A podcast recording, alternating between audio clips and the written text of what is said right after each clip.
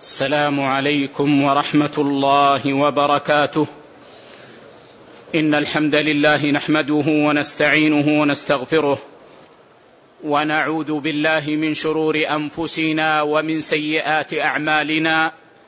من يهد الله فلا مضل له ومن يضلل فلا هادي له. وأشهد أن لا إله إلا الله وحده لا شريك له.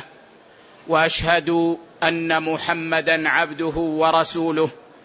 يا أيها الذين آمنوا اتقوا الله حق تقاته ولا تموتن إلا وأنتم مسلمون.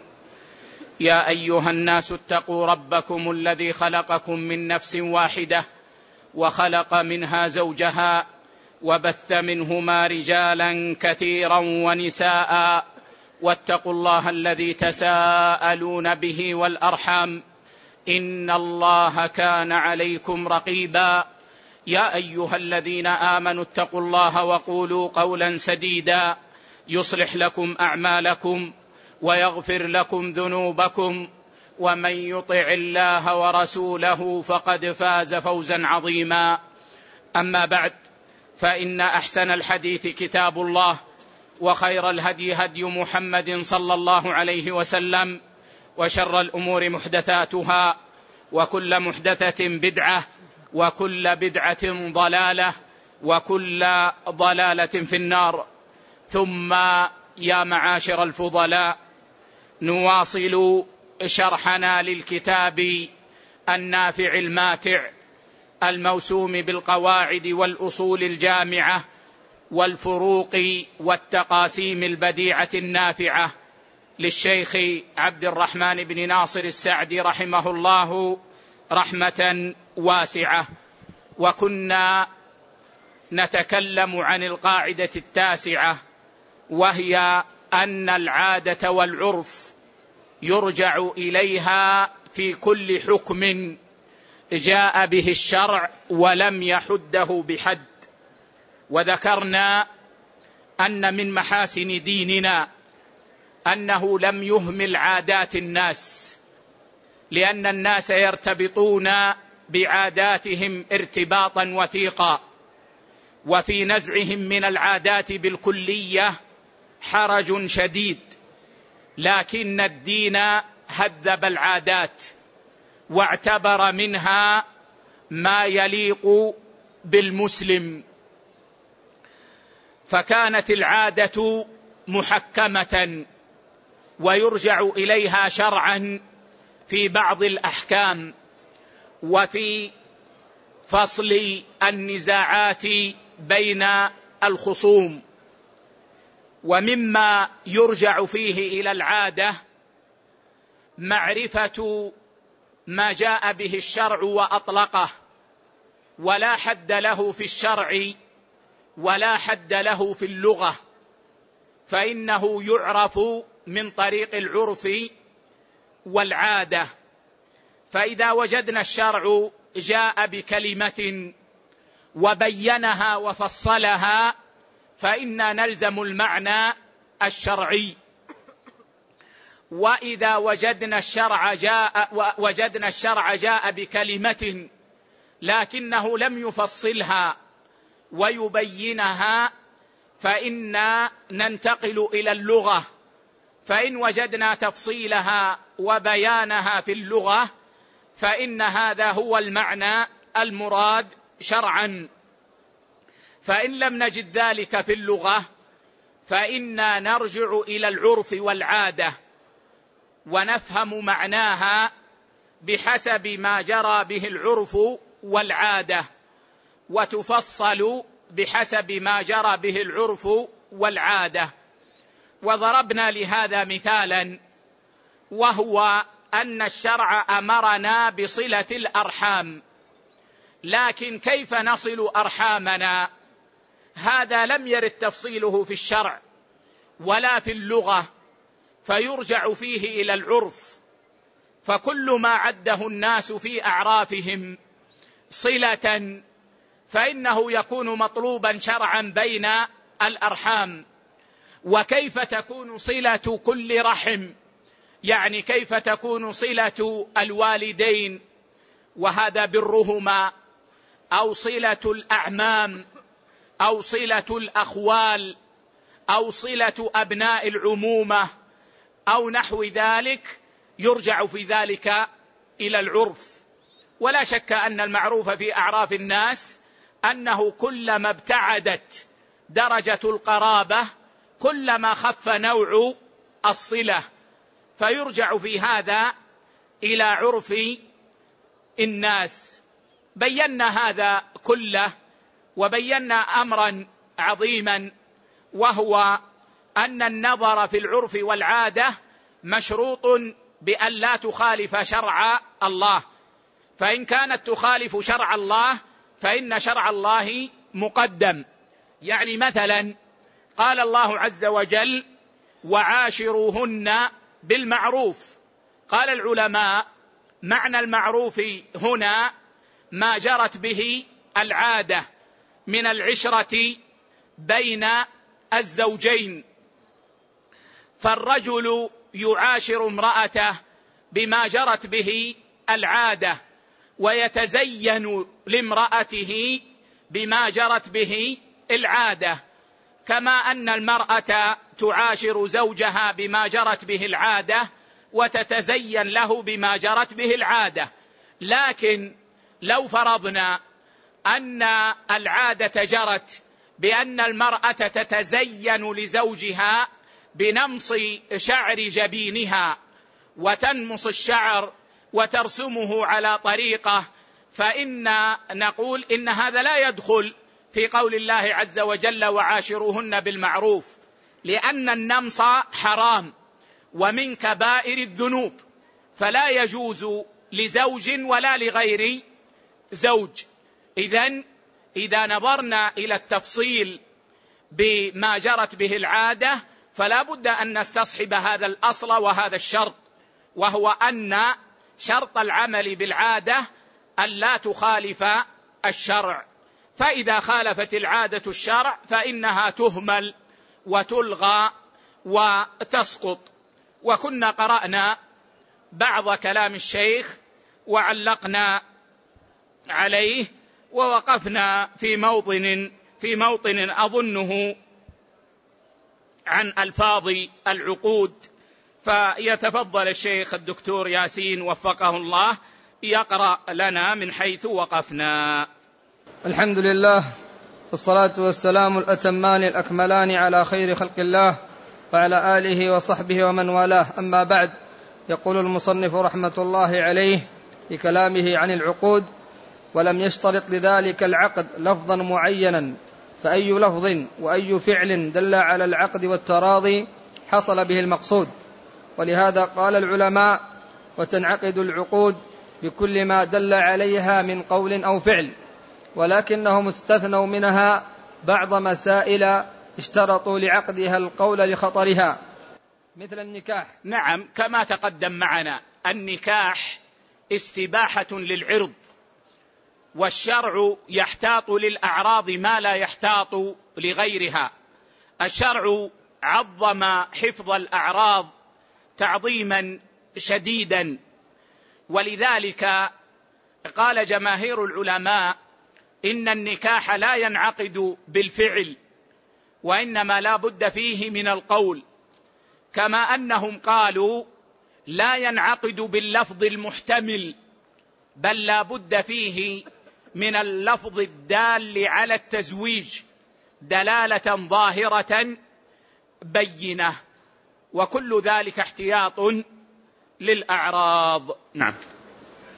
قال رحمة الله عليه قالوا لا بد فيه من إيجاب وقبول بالقول وكذلك الطلاق لا يقع إلا باللفظ أو الكتابة. نعم الطلاق لا يقع آه، بالإشارة من القادر على الكلام. فلو أن الزوج أشار إلى امرأته إشارة بالطلاق فإنه لا يعد طلاقا ما لم يلفظ ويتكلم. ولو أنه نوى طلاقها بقلبه جازما غير أنه لم يتكلم فإن الطلاق لا يقع عند جماهير الأمة. حتى حكاه بعضهم اجماعا خالف فيه بعض التابعين وخلافهم لا عبرة به. ولو أنه كتب الطلاق كتابة غير مستبينة. كأن كتب على الوسادة بأصبعه. أنت طالق بدون أن يتلفظ. كتب بأصبعه على الوسادة التي ينام عليها. أنت طالق. لا يقع الطلاق. لأن هذه الكتابة غير مستبينة فهي كما في القلب أو كتب لها بأصبعه في الهواء. أنت طالق بدون أن يتلفظ فإن الطلاق لا يقع عند جماهير العلماء وإنما يقع الطلاق باللفظ. فإن كان صريحا لم نسأله عن نيته بل نوقع الطلاق. وإذا ادعى أنه لم ينوي أو كان هازلا فإنا نوقع عليه الطلاق. فإن الأعراض لا يتلاعب بها. إلا إذا وجد في دعواه ما يصدق دعواه.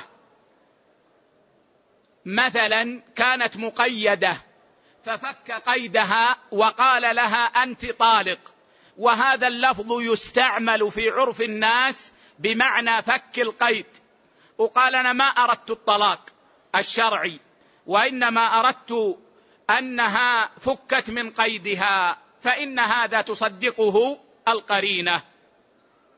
أما إذا كان اللفظ كناية كان قال لها اذهبي إلى أهلك أو خذي ملابسك واذهبي. أو نحو هذا فلا يقع الطلاق إلا إذا نواه. إلا إذا نواه.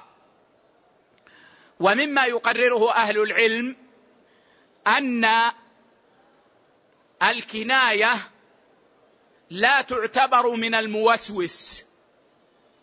فالذي عنده وسواس لا يلتفت إلى كنايته. فإذا قال لامرأتي أنت اذهبي إلى أهلك ثم قال والله أنا الظاهر إني نويت فإنه لا يلتفت إلى كنايته لأنه مبتلى بالوسواس. أو الكتابه كما قلنا لا بد أن تكون الكتابة مستبينة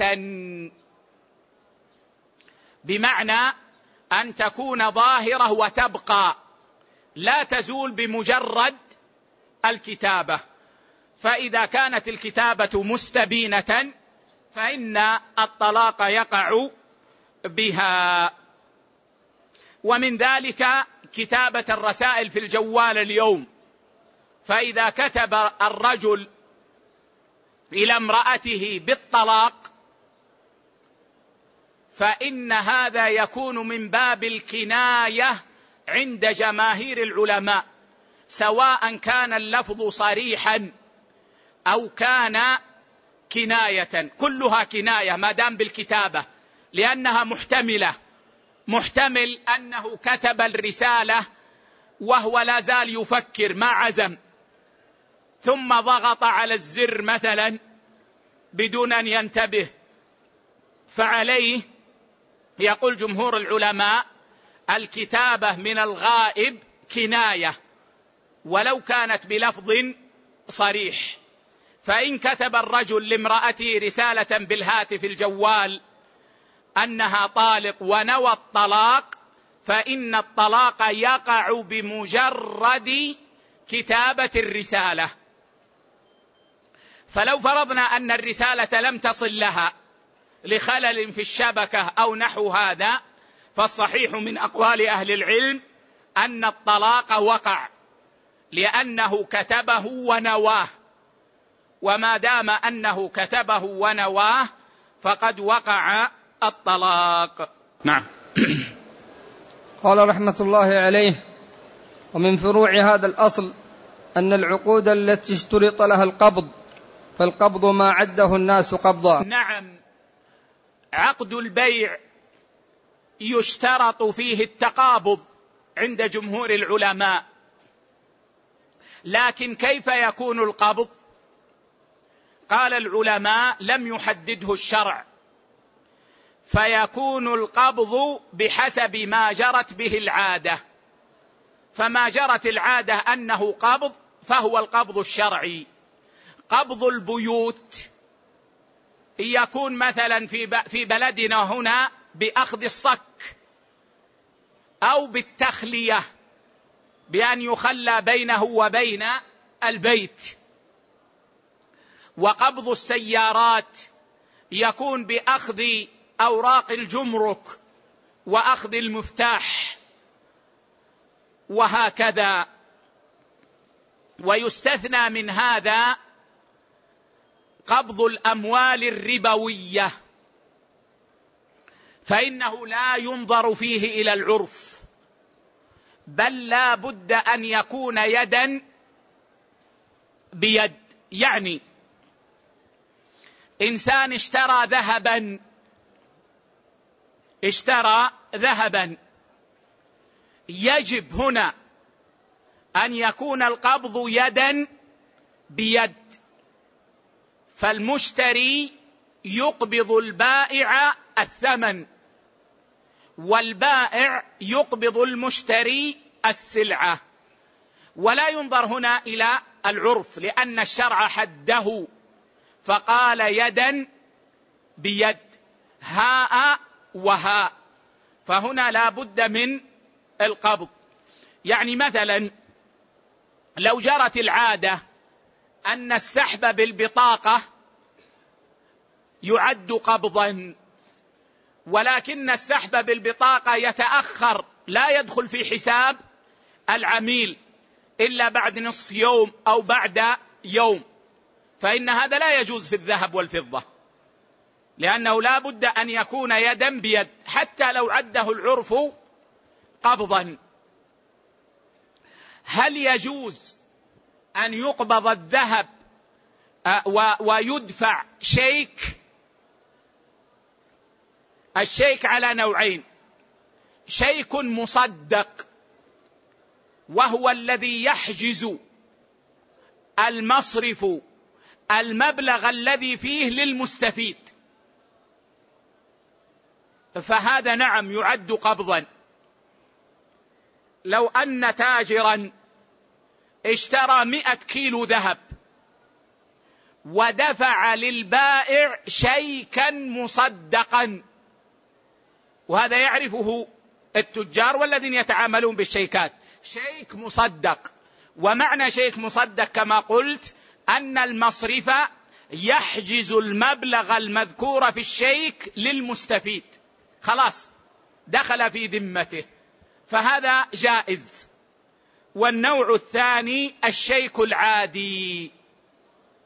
وهذا الصحيح من أقوال أهل العلم أنه لا يعد قبضا.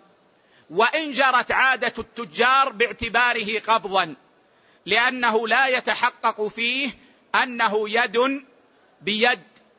فقد يكون في الشيك عيب وقد يكون في الحساب مشكلة. كان يكون الحساب حجز عليه أو نحو ذلك فلا إذن يستثنى من قول العلماء إن القبض يرجع فيه إلى العادات قبض الأموال الربوية. لا بد فيه من يد بيد. نعم. قال رحمة الله عليه ويختلف ذلك باختلاف الأحوال وكذلك الحرز حيث اوجبوا حفظ الأموال المؤتمن عليها الإنسان في حرز مثلها وحيث اشترطوا في السرقة أن يكون ذلك من حرز. والحرز يتبع العرف فالاموال النفيسة لها أحراز وغيرها لها أحراز كل شيء بحسبه. نعم الحرز هو مكان حفظ المال. أين يحفظ المال؟ جاء الشرع أن المؤتمن إذا حفظ المال في حرزه فسرق المال أو تلف المال لا ضمان عليه. لكن كيف نعرف الحرز؟ المرجع إلى ذلك العرف. السيارات لها أحراز ويختلف من بلد إلى بلد. مثلا في بلدنا حرز السيارة أن توقف عند الباب وأن تغلق الأبواب. فإذا كان المؤتمن أوقف السيارة عند بابه وأغلق أبواب السيارة ورفع الزجاج فإنه حفظ السيارة في حرزها. في بعض البلدان الحرز لابد كما يقولون أن تدخل في الجراش أن تدخل في الحوش. فالحرز إذن أن تدخل في الحوش. حرز الذهب والفضة الخزائن في العادة. حرز الفاكهة في الثلاجات مثلا. فمعرفة الحرز يرجع فيه إلى العرف. نعم. قال رحمة الله عليه ومن ذلك أن الأمين إذا فرط أو تعدى فهو ضامن فكل ما عده الناس تفريطا أو تعديا علق به الحكم. ومن ذلك أن من وجد نعم طبعا هذا واضح. يعني وسيأتينا إن شاء الله في قاعدة قريبة بحول الله وقوته. نعم. ومن ذلك أن من وجد لقطة لزمه أن يعرفها حولا كاملا بحسب العرف ثم إذا لم يجد صاحبها ملكها. ملكها. ملكها. نعم العلماء يقولون اللقطة تنقسم إلى ثلاثة أقسام. قسم لا يلتقط وهو المستغني بنفسه. الذي لا يخشى عليه وهي ضالة الإبل. ضالة الإبل تترك لا تلتقط لأنها مستغنية بنفسها لا يخشى عليها. فهذه لا تلتقط أصلا إلا إذا عرف صاحبها وأمسكها له. فهذا ليس من باب الالتقاط. والقسم الثاني لقطة لا يلتفت إليها الناس وهي قليلة القيمة التي جرت العادة أنها إذا سقطت من إنسان لا يرجع ليبحث عنها. يعني مثلا عندنا هنا المسواك. المسواك لو سقط من الإنسان الغالب على أحوال الناس أن الإنسان ما يذهب يبحث يا ناس رأيتم مسواكا هنا يا ناس كذا. يعني يتركه الناس. القلم بنصف ريال مثلا. هذا في عادتنا لو سقط ما يعود الإنسان ويتكلف ليبحث عنه. نصف ريال مثلا أو ريال حتى. عندنا الآن. العادة أن الناس لا ترجع لتسأل عنه. فهنا قال العلماء يجوز للإنسان أن يأخذه وينتفع به. لأنه لو لم يأخذه لضاع. يعني لن يعود له صاحبه ولن يسأل يعني عنه. والقسم الثالث ما يلتقط ويلتفت إليه كالغنم والأموال ونحو ذلك. فهذه يعرفها سنة كاملة. لكن كيف يعرفها؟ بحسب ما جرت به العادة.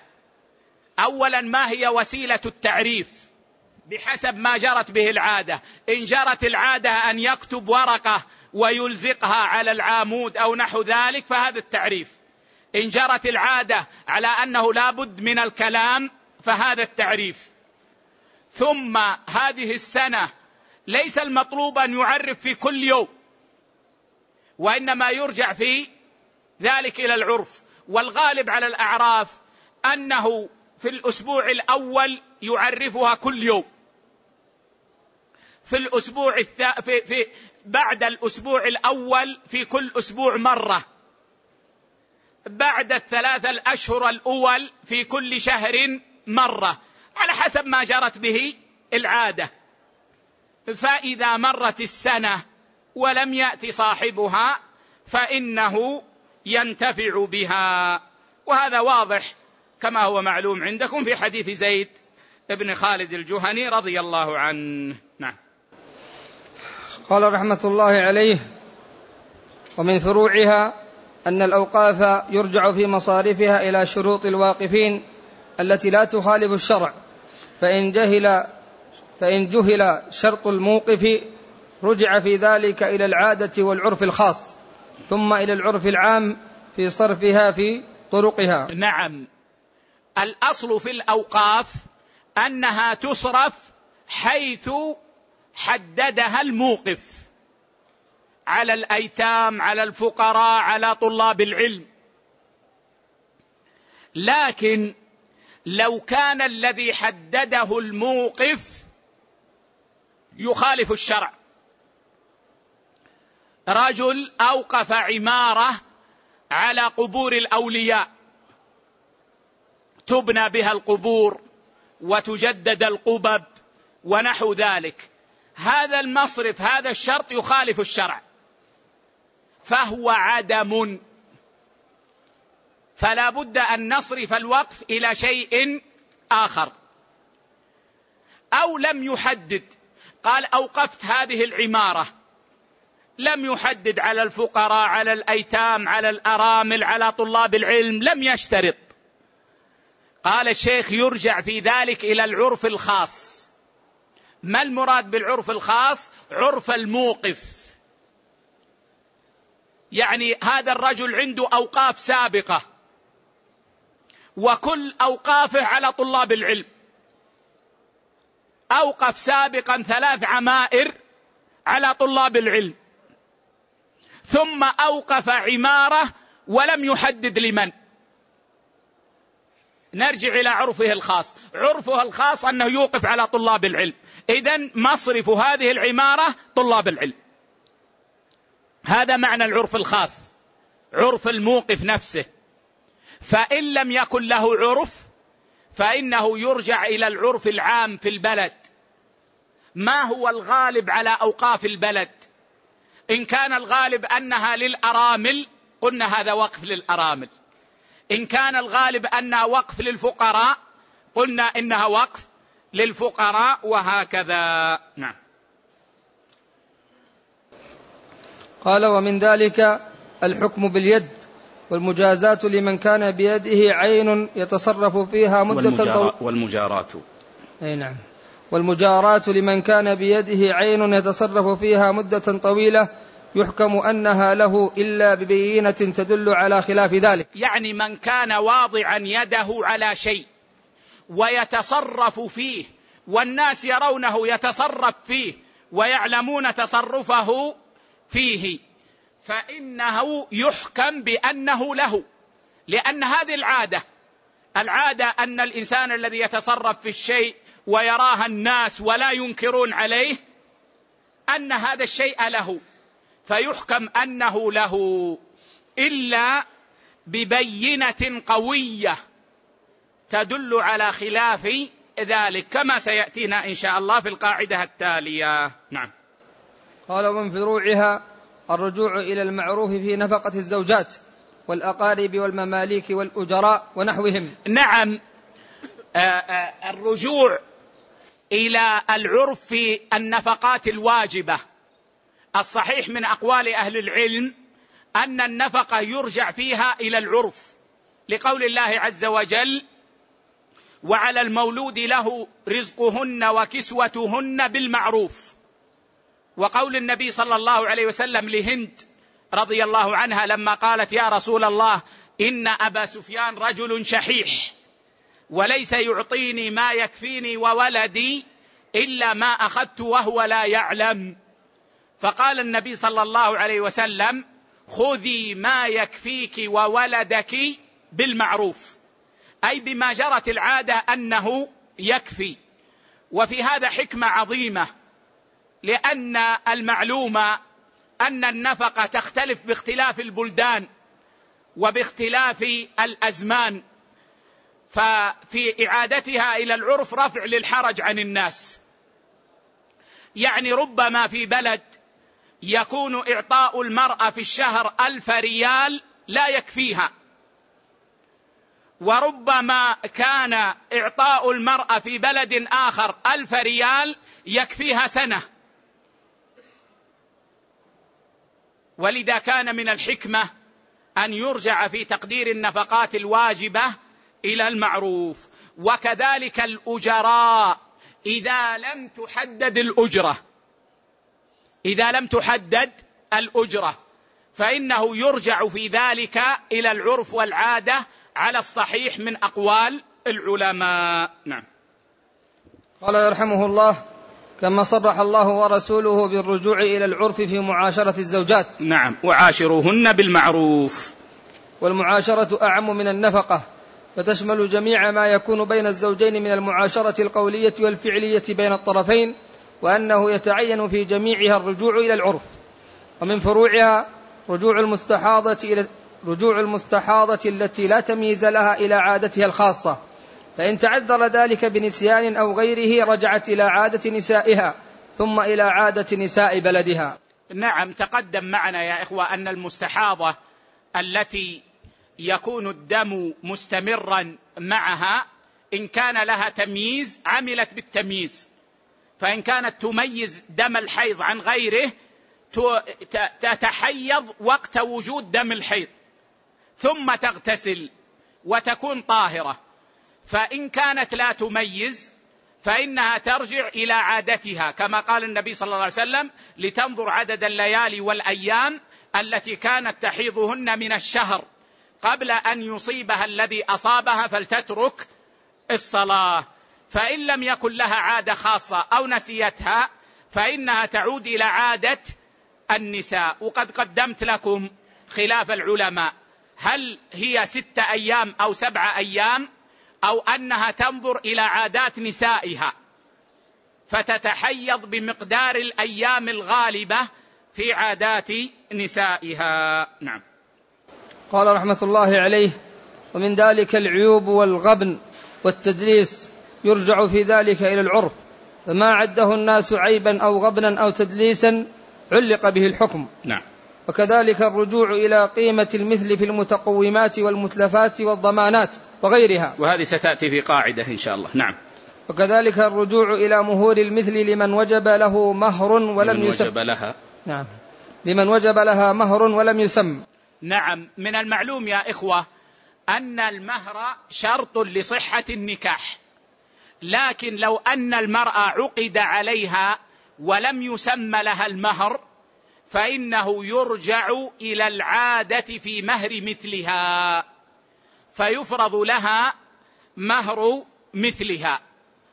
كذلك إذا سمي المهر تسمية فاسدة فتزوجها بخمر مثلا. جعل المهر الخمر أو عود ليس العود الطيب العود الخبيث عود الموسيقى. أو جيتار أو كمنجه من آلات الموسيقى. فهذه التسمية فاسدة لا تؤدى فيرجع في مهرها إلى مهر مثلها في العادة. نعم. قال رحمة الله عليه أو سمي تسمية فاسدة ويختلف ذلك باختلاف النساء والأوقات والأمكنة. وقس على هذه الأمثلة ما أشبهها وهي كثيرة مذكورة في كتب الأحكام. نعم. قال يرحمه الله القاعدة العاشرة البينة على المدعي واليمين على من أنكر في جميع الحقوق والدعاوى ونحوها. نعم هذه القاعدة الشريفة هي لفظ حديث النبوي رواه البيهقي وصححه الحافظ ابن حجر والألباني وغيرهما من العلماء. البينة على المدعي واليمين على من أنكر. ومعنى هذا الحديث موجود في الصحيحين. فإنه ورد في الصحيحين أن النبي صلى الله عليه وسلم قال للأشعث بينتك أو يمينه. الأشعث اختصم مع رجل في بئر أو شيء كما ورد في الحديث فرفع ذلك إلى النبي صلى الله عليه وسلم فقال النبي صلى الله عليه وسلم بينتك أو يمينه. وفي رواية في الصحيحين شاهداك أو يمينه. فهذا هو هو البينه على المدعي واليمين على من أنكر. وثبت في الصحيحين أن النبي صلى الله عليه وسلم قال ولكن اليمين على من أنكر ولكن اليمين على من أنكر أو ولكن اليمين على المدعى عليه. فهذه القاعدة من ألفاظ النبي صلى الله عليه وسلم. وهذه القاعدة من كمال شريعتنا فإن ديننا بحمد الله كامل ومن كمال الدين أنه حفظ حقوق الخلق وأمر بأدائها وعظم أداءها تعظيما شديدا. ومن حفظ الإسلام لحقوق الخلق أنه شرع القضاء وأجاز الدعاوى والدعوى إذا تقدم بها الإنسان إما أن ترد أصلا وإما أن تقبل.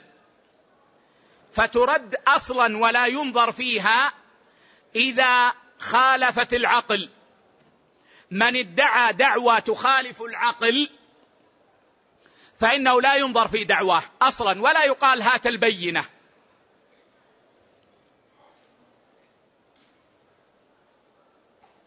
مثلا ادعى ابن أربعين سنة أنه أب لابن خمسين سنة. رجل عمره خمسون سنة مجهول النسب. مجهول النسب. فجاء رجل ابن ثلاثين سنة وادعى قال هذا ابني أنا أنجبته. وذهب إلى القاضي. فإن القاضي يرد دعواه ما يقول هات البينة. وكذلك ترد إذا خالفت العادة مثل ما لو ادعى شخص على شخص أنه حطم سيارته بصخرة لا تحمل في العادة. شخص جاء يدعي عند القاضي قال جاري فلان حطم سيارتي. بصخرة وزنها ثلاثمائة كيلو. في العادة أن الإنسان ما يستطيع أن يحمل صخرة وزنها ثلاثمائة كيلو. أو قال العلماء كما لو ادعى فقير معدم أنه اقرض غنيا. جاء رجل فقير ما يملك شيئا للقاضي. وقال يا فضيلة الشيخ أنا أقرضت فلانا من الأثرياء عشر آلاف ريال وأنا أريد حقي. ما تقبل هذه الدعوة؟ قال العلماء إلا إذا وجد ما يصدقها. طبعا في شيء ما يصدق لكن إذا وجد ما يصدقها كأن كان معه وثيقة الدين. معه وثيقة صحيحة بالدين فهذه ينظر فيها. كذلك ترد الدعوى إذا خالفت الحس. إذا خالفت الحس. جاء شخص إلى القاضي يقول جاري فلان فقأ عيني. فقأ عيني. وعيناه سليمتان. يبصر بهما وينظر بهما. هذه دعوة تخالف الحس. العين سليمة وهو يقول إن جاري فقأها هذه ما تقبل الدعوة. كذلك إذا خالفت الشرع إذا كانت الدعوة مخالفة للشرع جاء رجل إلى القاضي وقال إن فلانا قد أوصى لي بأشرطة الغناء التي عنده. وإن أبناءه يمنعونني الوصية وأنا أريد حقي. فإن القاضي ما يطلب منه إثبات الوصية لأن هذه الوصية تخالف الشرع. أو مثلا قال والله إن فلانا أوصى لي بجرة خمر بزجاجة خمر والورثة يرفضون. فإن القاضي لا يقبل هذه الدعوى. وإذا قبلت الدعوى فإنه لا بد أن يقيم المدعي البينة. فإن لم يقم البينة حلف المدعى عليه وذلك لحفظ حقوق الناس. لما كان المدعي يدعي دعوى ضعيفة طلب منه بينة إثبات قوي. ولما كان المدعى عليه في موقف قوي لكن فيه احتمال. طلب منه اليمين ليقطع الاحتمال. في حال عدم قيام البينة. لكن من هو المدعي ومن هو المدعى عليه؟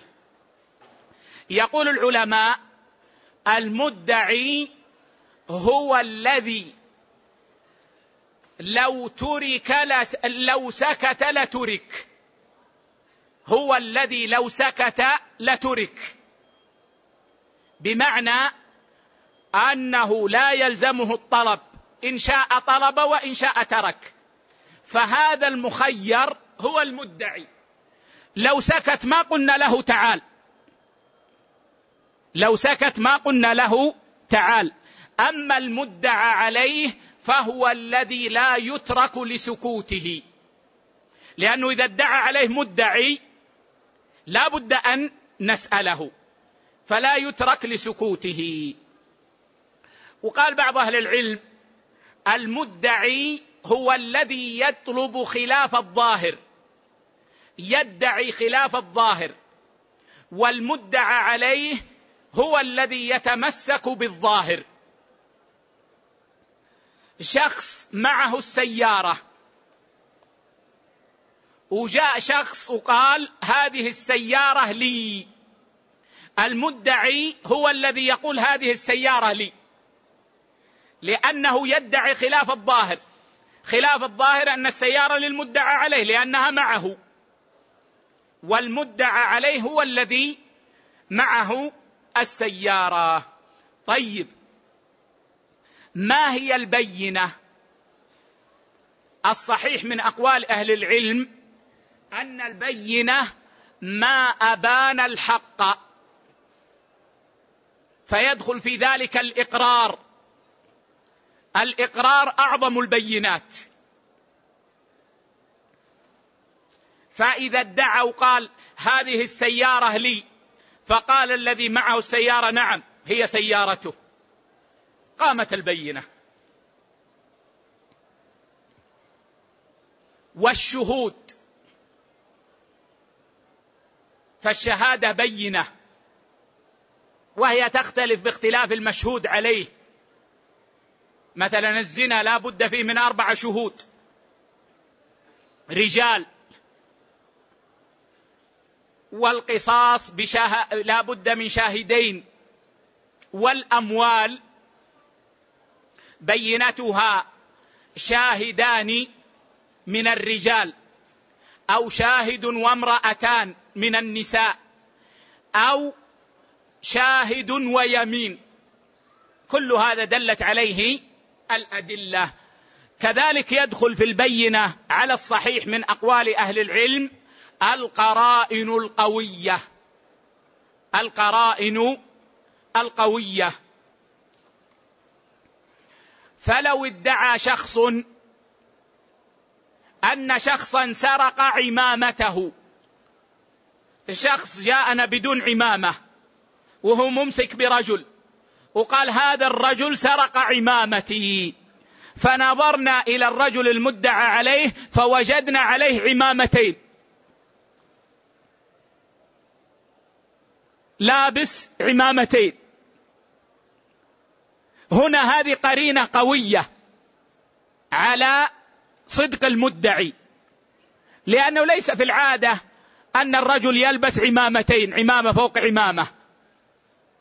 فهذه قرينة والعمل بالقرائن القوية معتبر شرعا. فالبينة على المدعي فإذا لم يقم بينة فإن المدعى عليه المنكر يطالب باليمين. والعلماء مختلفون هل هذا مطلقا أو في حال دون حال؟ والصواب إطلاق الحديث. البينة على المدعى اليمين على المدعى عليه. اليمين على من؟ أنكر. فيطالب باليمين. لقطع الاحتمال وسد باب النزاع. فإذا حلف حكم له. طيب باقي مسألة. لو نكل المدعى عليه عن اليمين. قال أنا ما أحلف. قلنا للمدعي هات بينة. قال أنا أقرضت جاري هذا عشر آلاف ريال ولم يردها. قال الجار أبدا ما اقترضت منك شيئا. قلنا له هات بينة أنك أقرضته. قال والله أنا اعتمدت كما يقولون اعتمدت على الثقة. جاءني جاري قال يا جاري أنا محتاج عشرة آلاف الآن صاحب الشقة سيخرجني وكذا أعطيته العشرة آلاف. إن شاء الله آخر الشهر أعطيك إياها. صبرت عليها آخر الشهر ما أعطاني. بعد ستة أشهر قال بعدين بعد ذلك قال ما لك شيء عندي أصلا أنا ما اقترضت منك. فما عندي بينة.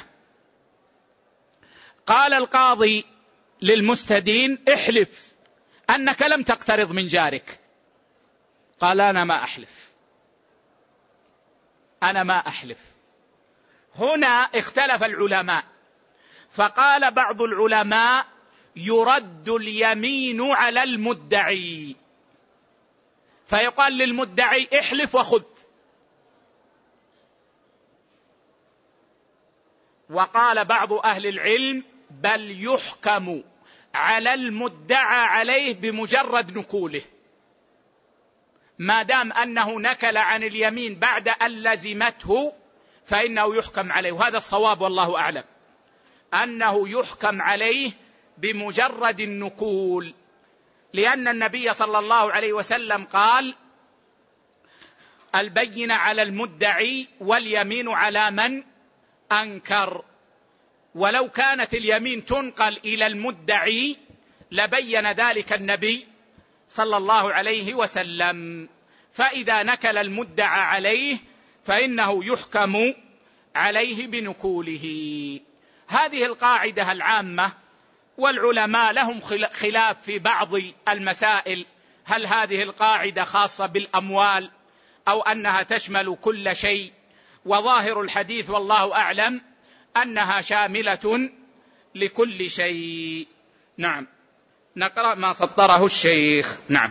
قال رحمه الله تعالى وهذا أصل نبه عليه النبي صلى الله عليه وعلى آله وسلم حيث قال البينة على المدعي واليمين على على المنكر رواه البيهقي بإسناد صحيح. نعم. صححه الحافظ بن حجر والألباني وغيرهم والحافظ أظنه في الفتح حسنة. أظنه في الفتح حسنه. نعم. وأصله في الصحيحين. أصله في الصحيحين. كلام الشيخ صحيح. أصله في الصحيحين. لأن معناه موجود في الصحيحين كما ذكرناه في كلامنا. نعم. قال يرحمه الله وقد أجمع أهل العلم على هذا الأصل الذي يحتاجه القاضي والمفتي وكل أحد. وقد قيل في تفسير قوله تعالى وآتيناه الحكمة وفصل الخطاب أن فصل الخطاب هو البينة على المدعي واليمين على, الم... على من أنكر لأن به تنفصل المشتبهات وتنحل الخصومات. ولا شك أن ذلك داخل في فصل الخطاب لأن فصل الخطاب أعم من ذلك. فكل من ادعى عينا عند غيره أو دينا على غيره أو حقا من الحقوق على غيره فعليه البينة وهي كل ما أبان الحق. ويختلف نصابها باختلاف المشهود عليه.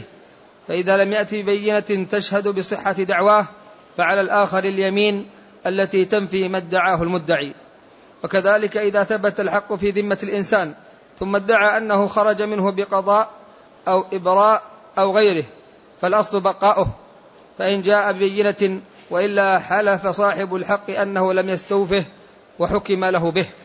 بمعنى أنه إذا ثبت الحق على إنسان فاليقين ثبوت الحق. فإذا ادعى أنه قد وفى بهذا الحق ورده إلى صاحبه فإنه يطالب بالبينة. فإن لم يأتي بالبينة فإن صاحب الحق يحلف اليمين ويحكم على من أخذ هذا الحق بأن يرده. نعم. وكذلك لو ادعى إنسان استحقاقا في وقف أو ميراث فعليه إقامة البينة التي تثبت الساب الذي يستحق به ذلك وإلا لم يثبت له شيء. والبينة في الأموال وحقوقها وشروطها ووثائقها إما شاهدان عدلان أو رجل وامرأتان كذلك أو رجل ويمين المدعي أو دعواه ونكول المدعي عليه عن اليمين. فإن كان المال بيد من لا يدعيه لنفسه كالملتقط ونحوه. ما معنى هذا؟ إذا كان المال بيد من يقول هذا المال ليس لي. هذا المال الذي في يدي ليس لي. هو لإنسان أنا ما أعرفه. مثل الملتقط. إنسان وجد حقيبة حافظة نقود ووجد فيها عشر آلاف.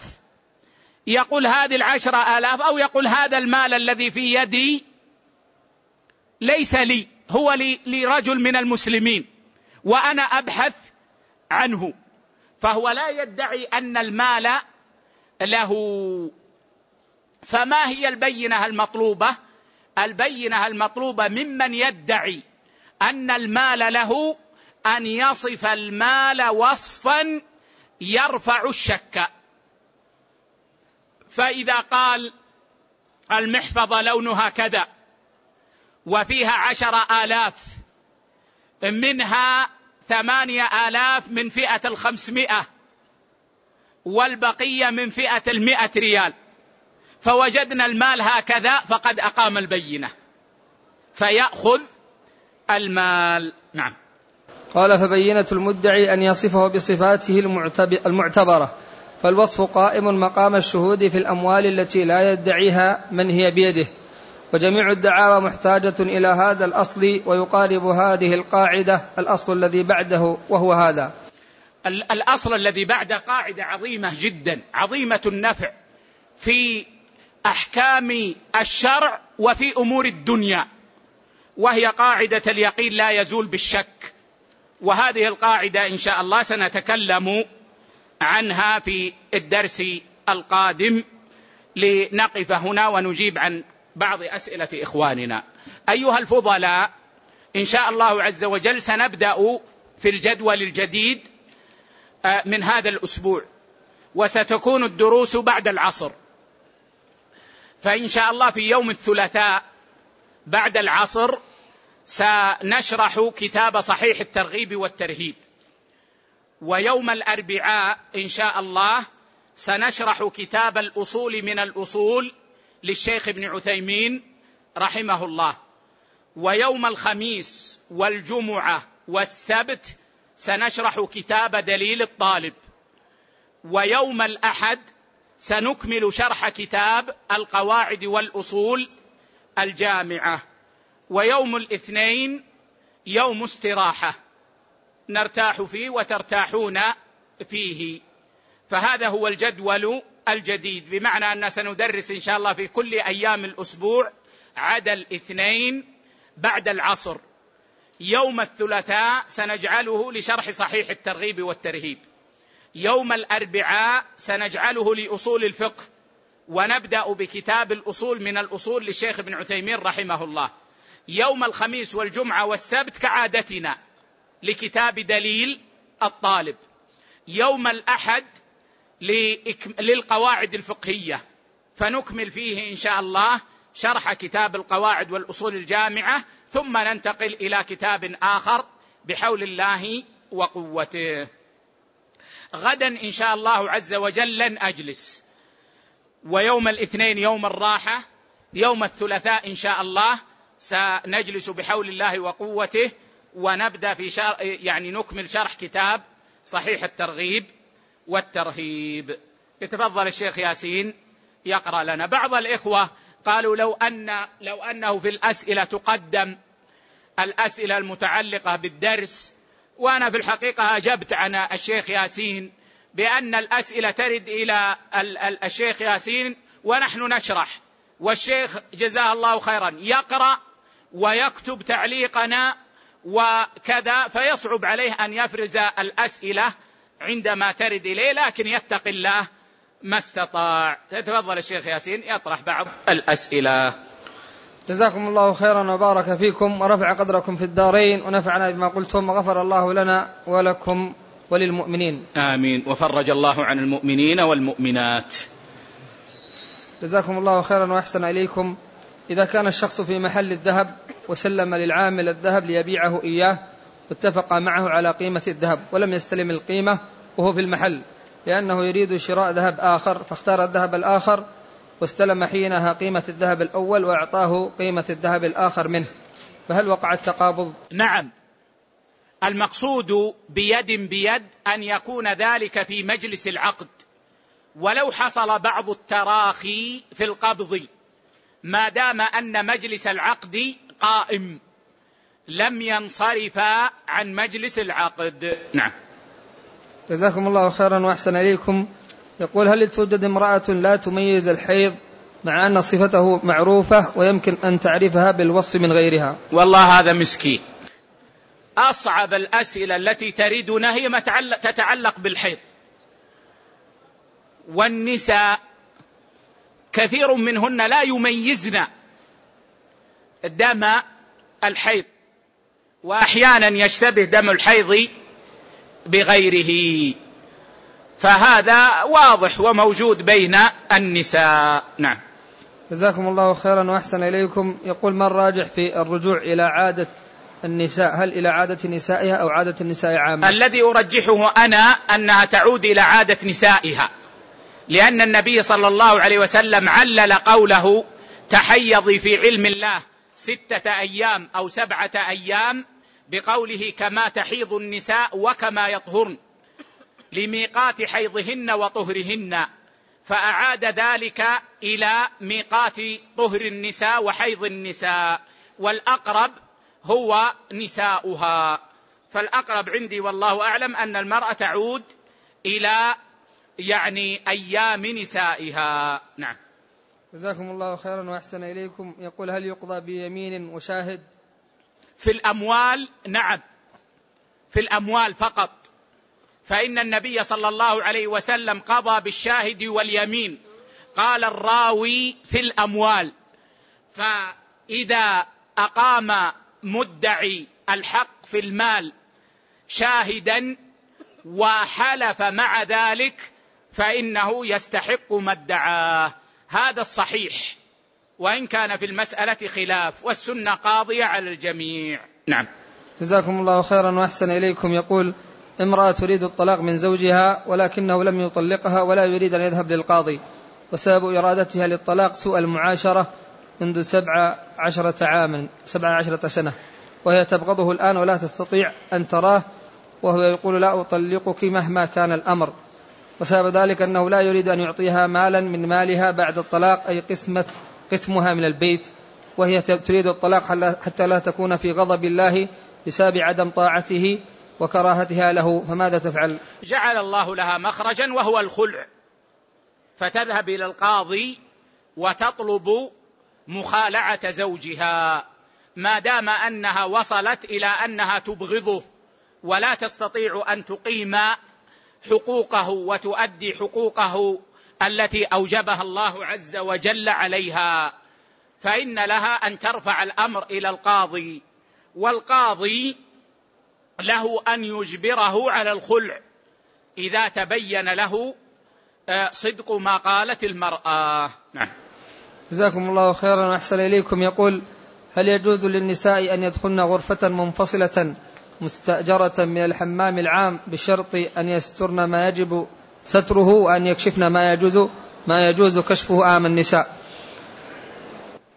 تقدم معنا أنه إذا كان هناك جزء منفصل ساتر قد استأجره الزوج لزوجته أنه يجوز للمرأة هناك أن تغتسل فيه. لكن هذا السؤال عن استئجار قسم يجتمع فيه النساء. والذي يظهر لي والله أعلم أن ذلك لا يجوز لأن وجودهن في الحمام ذريعة مفضية يقينا أو غالب ظن إلى كشف ما لا يجوز كشفه. فلا يجوز أن يجتمع النساء في غرفة واحدة في الحمامات. نعم. جزاكم الله خيرا وأحسن إليكم. وهذا سؤال عن طريق الشبكة. يقول نحن في فرنسا نقوم بتغسيل الأموات. أحيانا نقع في جنازة لا يمكننا غسلها لأن هناك أمراض خطيرة جدا أو الجثة أو الجثة معفنة. فيمنع فيمنع منعا كليا من طرف المستشفى. فماذا يجب علينا فعله في هذه الحالات؟ إن أمكن تغسيلها ولو بالماء من بعد أو بالآلات. بمعنى لو أمكن أن يجعل في آآ رشاش ماء يشغل من بعيد ويكون الماء على الميت. يدخل في قول الله فاتقوا الله ما استطعتم فإن هذا ينبغي فعله. أما إذا لم يمكن ذلك بالكلية وقيل إنه لا يمكن الاقتراب من الميت لأن هناك فيروسا يعني خطيرا ويبقى بعد بعد الوفاة ونحو ذلك فإن هذا الواجب يسقط. أعني تغسيل الميت لقول الله عز وجل فاتقوا الله ما استطعتم. ولا يشرع هنا التيمم كذلك. هو لا يشرع أصلا وهو لا يستطاع آه، أصلا كذلك هنا. فإذا لم يمكن أن يغسل بطريقة من الطرق فإن واجب غسله يسقط والحمد لله. نعم. جزاكم الله خيرا وأحسن إليكم. يقول هل يجوز أن نأكل طعاما أو نقبل هديه ممن نعرف أن رزقه مكتسب من طريق حرام كالربا ونحوه؟ هذا في تفصيل. فإن كان آه، آه، صاحب آه، الهدية لا يعرف له مال إلا الحرام فدخله كله حرام فهذا لا تقبل هديته. لأنها حرام. أما إذا كان له دخل آخر لكن يكثر في ماله الحرام فإن هديته تقبل. فإن النبي صلى الله عليه وسلم قبل هدية اليهود والمعلوم أن اليهود يعني آه، آه، آه، عباد أموال يعملون بالربا ولا يحرمون شيئا ابدا لكن لما لم يكن مالهم متمحضا من حرام بل يدخل عليهم هذا وهذا قبل النبي صلى الله عليه وسلم هديتهم. قال بعض أهل العلم إلا إذا علم أن هذه الهدية بعينها من قسم الحرام. فإن هذا يعود إلى من كان ماله متمحضا للحرمة. جزاكم الله خيرا وأحسن إليكم. يقول إذا صحب المعتمر معه صبيا ونوى النسك عنه هل يكفي طواف وسعي واحد لهما أو لا بد أن يأتي بطواف وسعي للصبي خاصة. قبل قبل الجواب عن آه، هذا السؤال يعني الإنسان قد يرد الهدية ممن يكون ماله مختلطا من باب زجره عن الحرام. فإذا علم أنه إذا لم يقبل هديته أن هذا يؤثر فيه ويجعله يترك التعامل مع الحرام أو ينزجر الناس عن فعل الحرام فإنه يرد الهدية هنا لا لكونها حراما وإنما من باب يعني هجر هذا العاصي حتى يندفع الحرام أو ينزجر الناس عن الحرام. نعم عفوا يا شيخ ياسين. نعم. يقول أحسن الله إليكم إذا صحب المعتمر معه صبيا ونوى النسك عنه هل يكفي طوافا وسعيا واحد؟ لهما أو لا بد أن يأتي بطواف وسعي للصبي خاصة. وإذا صحب الصبي في الطواف هل لا بد أن تكون الكعبة عن يساره؟ الخلاف بين أهل العلم في هذا كبير. والذي يظهر لي والله أعلم أنه إذا كان الصبي يدفع دفعا. فهذا يجزئ إن شاء الله. أما إذا كان يحمل فإن كان الصبي ممن ينوي فهذا أيضا يجزئ طواف واحد عن الاثنين. أما إذا كان الصبي ممن لا ينوي فإن الأصل أن الطواف يجزئ عن واحد منهما. فإذا أراد أن يطوف به فليطف به طوافا آخر. إلا في حال المشقة الزائدة التي يراعيها الشرع. كحال الحج مثلا أو في أيام الزحام في رمضان وغير ذلك. فإن الذي يظهر والله أعلم أن قواعد الشريعة تقتضي أنه يكفي طواف واحد عن الاثنين. نعم. أن يكون عن يساره يعني لا يشترط ذلك. العبرة بالحامل.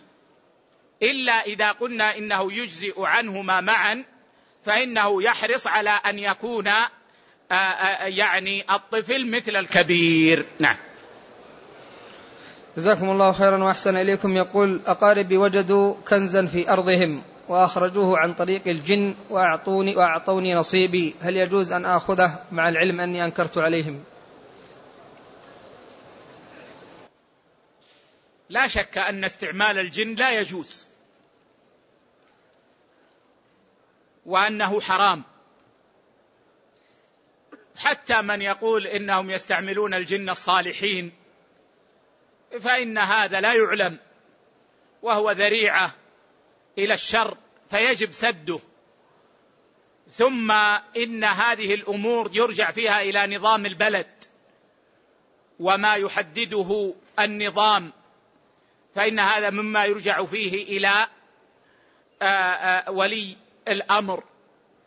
فإذا كان نظام ولي الأمر يمنع من هذا فيرجع إلى النظام. وإذا كان النظام يجيز للإنسان أن يأخذ المكنوزات التي توجد في أرضه إذا كان يظهر عليها أنها للكفار ولا يظهر عليها أنها للمسلمين. لأنها إذا كانت للمسلمين فإنها لا تملك باللقي. آه، فإذا كان يظهر عليها أنها للكفار وكان النظام يجيز للإنسان أن يأخذها فإذا وجدها الإنسان فإنه يجوز له أن يأخذها. لكن يحرم أن يستخرجها بطريق السحر أو بطريق الجن ونحو ذلك. لكن إذا أنكرت عليهم ولم تشاركهم وأعطوك من هذا المال وهو مما يجوز أن يؤخذ فلا بأس أن تأخذه لأنك لم تفعل حراما ولأن آه، فعلهم لا يجعل المال حراما لكن الفعل ذاته حرام نعم جزاكم الله خيرا وأحسن إليكم يقول هل يكون الابن محرما لامرأة للمرأة التي دخل بها أبوه وكان ذلك قبل إسلامه؟ ما فهمت. ما فهمت القيد الأخير، نعم. طيب. أحسن الله إليكم. يقول هل يجوز أخذ الدين من شخص يكتسب ماله ماله من الحرام؟ كما تقدم. لأنه لا يستثنى من هذا إلا أخذ الحقوق. فالحقوق تستوفى ممن عليه الحق ولو كان ماله حراما. ويدخل ذلك في قاعدة تبدل سبب الملك قائم مقام تبدل الذات. أما غير استيفاء الحقوق فهو على التفصيل الذي ذكرناه في السؤال السابق ولعل في هذا كفاية وأذكر الإخوة أن لن نجلس غدا ولا يوم الاثنين وسنجلس الثلاثاء إن شاء الله والله أعلم وصلى الله على نبينا وسلم.